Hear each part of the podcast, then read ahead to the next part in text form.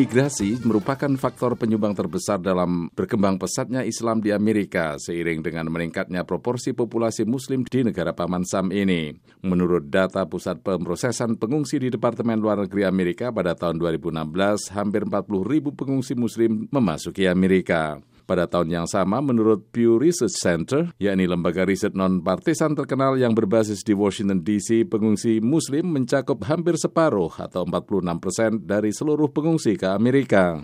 Jumlah itu lebih tinggi dibanding pengungsi berlatar belakang agama Kristen yang berjumlah 44 persen dari keseluruhan pengungsi ke Amerika. Tentu selain pengungsi, imigrasi ke Amerika juga meliputi berbagai kategori, misalnya hubungan keluarga, pekerjaan, lotre keragaman atau diversity lottery yang dibuka setiap tahun. Selain dari imigrasi, jumlah muslim meningkat dari para narapidana yang berpindah agama menjadi muslim, baik mereka yang mendekam di penjara federal, negara bagian maupun lokal. Fenomena perpindahan agama di penjara ini telah berlangsung beberapa lama dan terjadi di seluruh negara bagian di Amerika. Di New York misalnya, menurut beberapa sumber, narapidana muslim berkisar antara 11 hingga 20 persen dari populasi penjara di negara bagian itu pada tahun 2003. Para narapidana muslim di penjara-penjara Amerika menjalankan ibadah puasa dengan husu, seperti juga di penjara-penjara di negara bagian New York.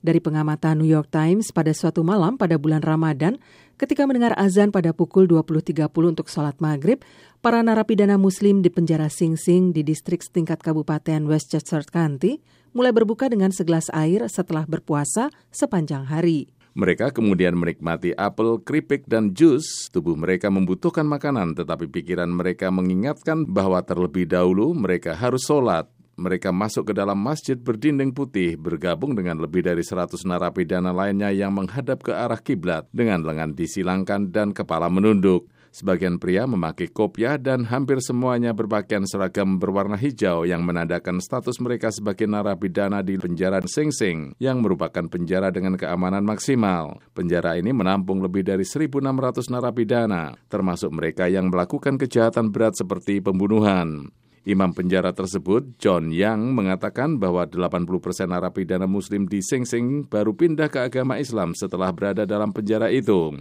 Di seluruh negara bagian New York, 5.842 narapidana atau sekitar 11 persen dari total populasi penjara beragama Islam.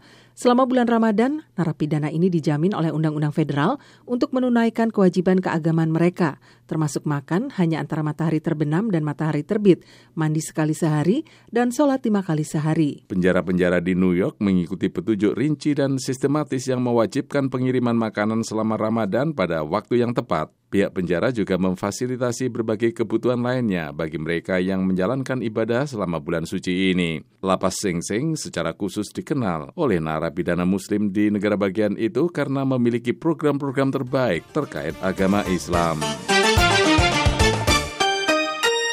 VOA.